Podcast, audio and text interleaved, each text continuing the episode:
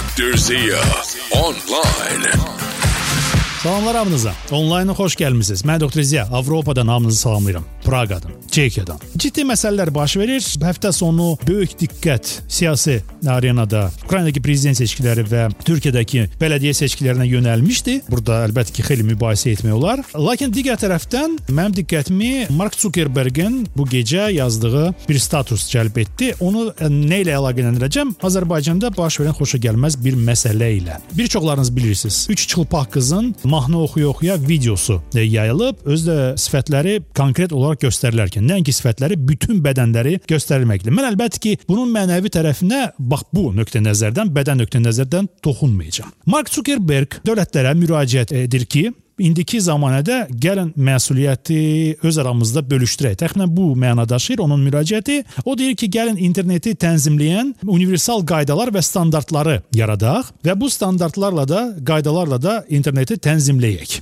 Problem nədədir? Aqressiv statuslar söyüş dolu, ilkçiliklə dolu, ksenofobiya ilə dolu statusları aradan götürmək, seçkilərə müdaxilə, bu Amerikanın indiki baş ağrısıdır. Rusiya ilə öz münasibətləri də özləri bilər və burada ən böyük diqqəti və daha məncə vacib olan məsələ şəxsi özəl, personal bilgilərin qorunması və azad daşınması qaydaların, personal bilgilərin, özəl bilgilərin, məlumatların qorunması məsələsində çox ciddi problemlər var. Və bu personal bilgilərin içinə həmçində özəl videolar daxildir. Yəni Mark Zuckerberg indi aydın məsələ ki, biraz yorulmuş görünə bilər, amma düşünmürəm ki, nə puldan, nə də digər məsələlərdən o yorulsun. O sırf bu məsuliyyətin onun çiynində, onun yükü olaraq tək başına daşımağına etiraz edir və təklif edir ki, gəlin hamımız bölüşək həmin bu məsuliyyəti. Hamımız birlikdə tənzimləyək interneti. Bizə iki başlı bir məsələdir. İnterneti bir tərəfdən elə internet ona görə belə yaranıb ki, daha çox öz fikirlərini bildirməkdə sərbəstlik olsun. Amma sərbəstlik eyni zamanda da söz azadlığı olaraq həmçində məsuliyyətdir. Yəni dediyin, yazdığın, paylaşdığın sözlər, fikirlərə görə sən məsuliyyət daşımalısan. O zaman həmin o sözlərin ciddiliyi,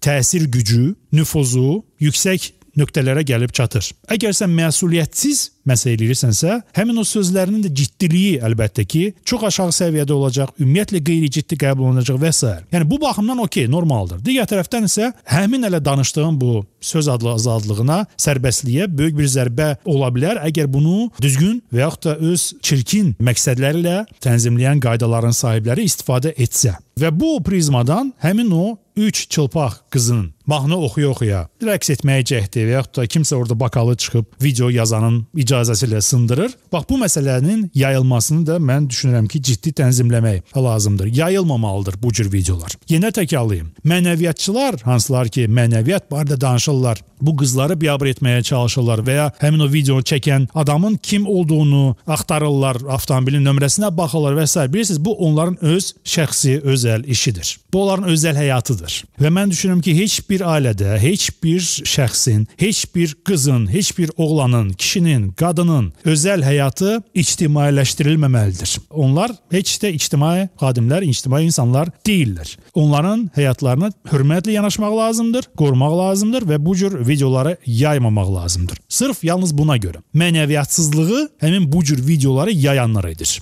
Nöqtə. Bu mövzunu bağlayaq. Mark Zuckerberg isə axtarışlarında uğurlar. Dr. Zia Online. Keçək seçkilərə. Seçkilərdə diqqəti cəlb edən əlbəttə ki, Ukraynadakı seçkilər oldu. Zelenskinin bu seçkilər prosesinin liderinə çevrilməsi oldu. 30%-dən çox səs yığıb ilk turda növbəti tura çıxıb. İndi bunun fenomeni nədir? Mən iki məqam burada görürəm. Birincisi, Ukrayna xalqı korrupsiyadan yorulub və bir növ qəhrəmancasına və yaxud da möcüzəvi bir şəkildə məsələnin həllini gözləyir.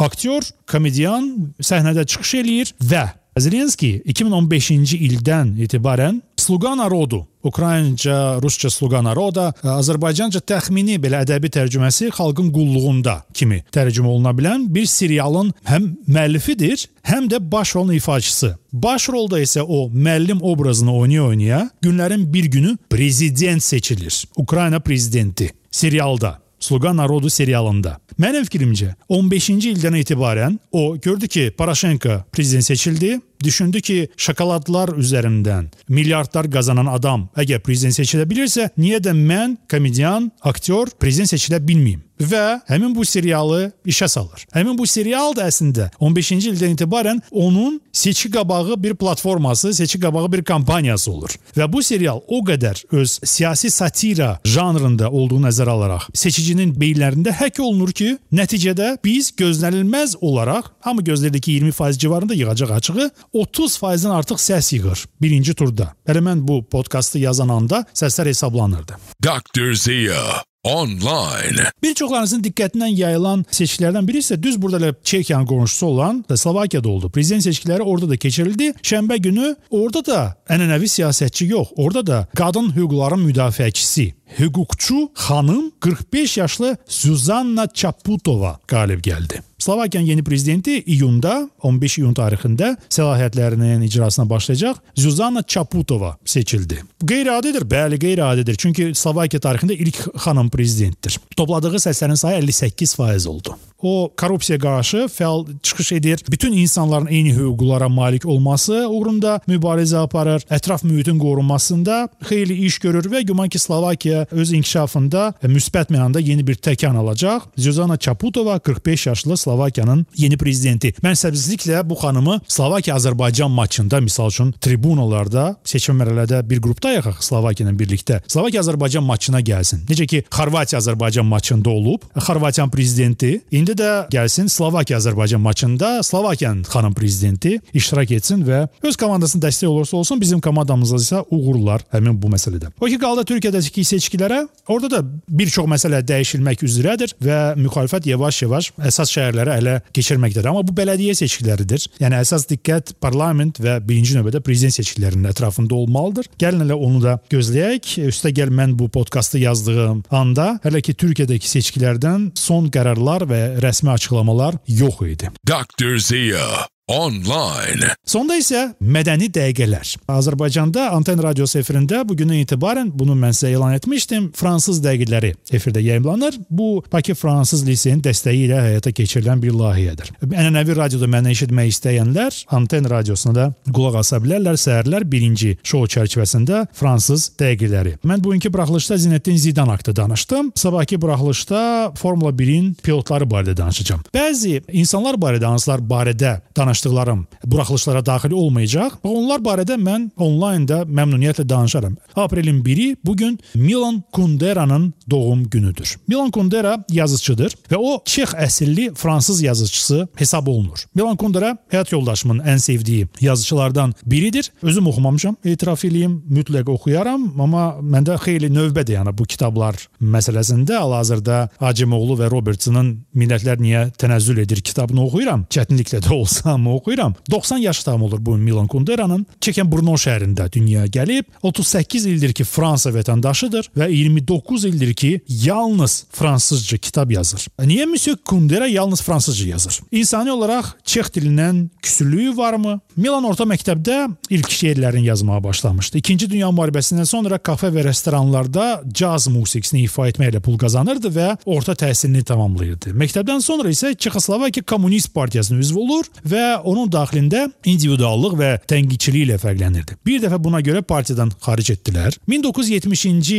ildə SSR qoşunları Çexoslovakiyanı zəbt edəndən 2 il sonra etiraz etdiyinə görə Kommunist Partiyasına ikinci dəfə həmin bu partiyadan qovulur. Bütün kitabları Çexoslovakiyanın ərazisində qadağan edilir. Həyatının ikinci romanını elə həmin ildə bitirib deyə Praqada çap etdirə bilmir. Ona yardım əlini kimlər? Fransa uzadır. 1973-cü ildə Həyat burada deyil romanı fransızca Parisdə çap olunur. 1975-ci ildə isə Milan Kundera Fransanın Ren Universitetinə professor statusunda dəvət alır. Siyasi dedektivə bənzər həyatı əlbəttə ki, bununla bitmir. 1978-ci ildə Fransada çapdan çıxan Gülüş və Unutqanlıq kitabı romanına görə Çexoslovakiyada onu vətəndaşlıqdan məhrum edirlər. Təsəvvür edin. Nəticədə 1981-ci ildə Fransa Milan Kundera öz vətəndaşlığını verir. Yazarlığın inkişafı üçün bütün şərait yaradır və Milan 9 il sonra 1990-dan etibarən əsərlərini yalnız fransızca yazır. Çexoslovakiya sonradan iki ölkəyə bölünür, ancaq Çex cəmiyyətinin küskünlüyü və